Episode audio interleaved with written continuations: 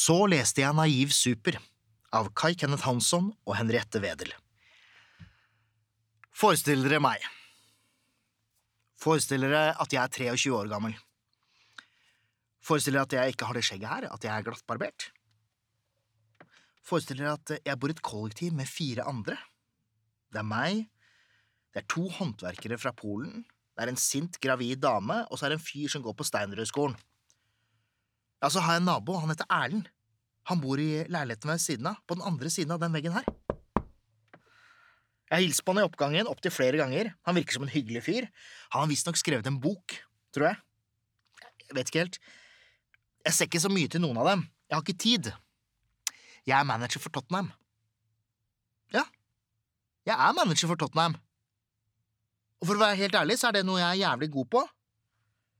Alt handler om et mindset. Det er viktig å ta gode valg fra starten av, kjøpe de rette, selge de rette, bevare den gode stemninga i garderoben, få spillerne til å tro på min visjon. Klokka 18.00, det er seriestart. Jeg er klar, gutta er klare. Stjernespillerne i stallen er Darren Anderton, Les Ferdinand, Teddy Sheringham, norske Steffen Iversen og det 16 år gamle stortalentet Wayne Rooney, som jeg rappa fra Everton rett foran nesa på ManU. Vi møter Newcastle i første runde. På bortebane, en tøff kamp, men jeg har trua. Rooney og Ivers ser ut som en uslåelig kombo på topp. Vi går hardt ut, holder trykket oppe i de første 20 minuttene. Bra, gutta! Men så blir Teddy felt. Vrir seg i smerte. Han må av! Men for faen, da! Trykket forsvinner, og samtidig glipper Forsvaret gang på gang på gang. Vi taper 3-0! Fuck! Fuck! Tap i åpningen. 3-0. Veldig dårlig start. Legerapport. Teddy er ute i fire uker. Men ok, ok. Nå er det viktig å holde moralen oppe i gruppa. Ok. Ny kamp. Tap. Kamp nummer tre. Tap. Vi prøver ut nye funksjoner. Og plutselig kommer gjennombruddet. Vår første seier! Yes! Yes! Yes! Vi vinner kamp seks, sju, åtte, ni! Og jeg, jeg styrer med jernhånd! Shit. Klokka er 01.00, på tide å gå og legge seg nå. Men hei! Teddy er jo tilbake, skadefri! Kom igjen da, gutta! Kom igjen! Nå kjører vi på! Ok, det er nå det gjelder! Nå møter vi topplagene, ManU, Chelsea, Arsenal. Det er nå vi må vise hva vi er gode for! Ok, gutta. Darren, du må huske at Teddy ligger i bakrommet. Teddy, du vet hva du skal gjøre. Ivers, jeg forventer mer av deg. Du får 15 minutter, hvis ikke så får Rebro sjansen. Ok, kom igjen! Nå kjører du på, det er nå det gjelder! Og de leverer. Yes! Yes! Yes! Og de neste kampene vinner vi! Vi vinner, vi vinner, og vi vinner igjen! Plutselig er klokka blitt 04.00. Shit, hva skjedde? Men altså Det er den siste avgjørende kampen, og vi ligger på andreplass. Bare ett poeng bak ManU. Altså, hvis ManU spiller uavgjort eller taper sin neste kamp, og vi vinner vår kamp, så vinner vi hele jævla serien! Dette kan gå! Dette kan gå! Dette kan gå hele veien! Ok, ManU taper sin kamp. Yes! Og vi vi leder 1-0 på overtid, og det er nå det skal skje. Det er nå det skal skje. Dette avgjør alt!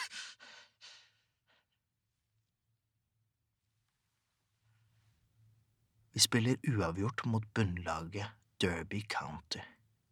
Faen. Jeg skrur av skjermen. Klokka er 07.00. Jeg må sove. Jeg lister meg ut på kjøkkenet for å få meg et glass melk, mens er kjøkkenet fullt av lys, frokost, håndverkertøy, morgentrøtte polske stemmer. Jeg har ikke lenger lyst på melk. God morgen. Går inn og legger meg under dyna. Jeg ser i taket, hører pusten gå, korte rytmiske trekk, prøver å tvinge alt til å være stille, men, men det bare kjører, kjører videre inn i huet i et rasende tempo.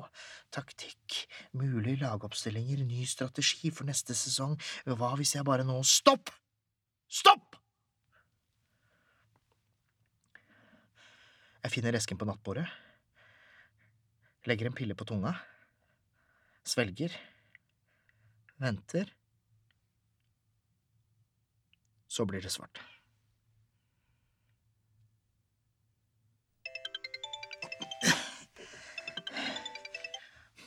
Hallo? Hei! Jeg ringer fra Lindorf, sier telefonen. Jeg ser på klokka, den er snart fire på ettermiddagen. Føler meg fullsjuk, selv om jeg ikke er fullsjuk.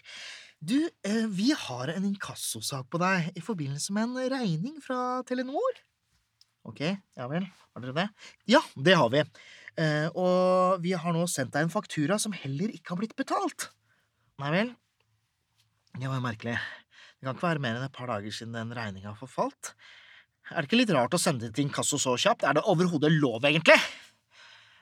Vel, eh, regningen skulle vært betalt allerede i slutten av juli. Purringen på regningen skulle vært betalt den 15. august, og fakturaen du har fått fra oss, skulle vært betalt for fem dager siden. Altså den 20. september. Ja vel. Ok.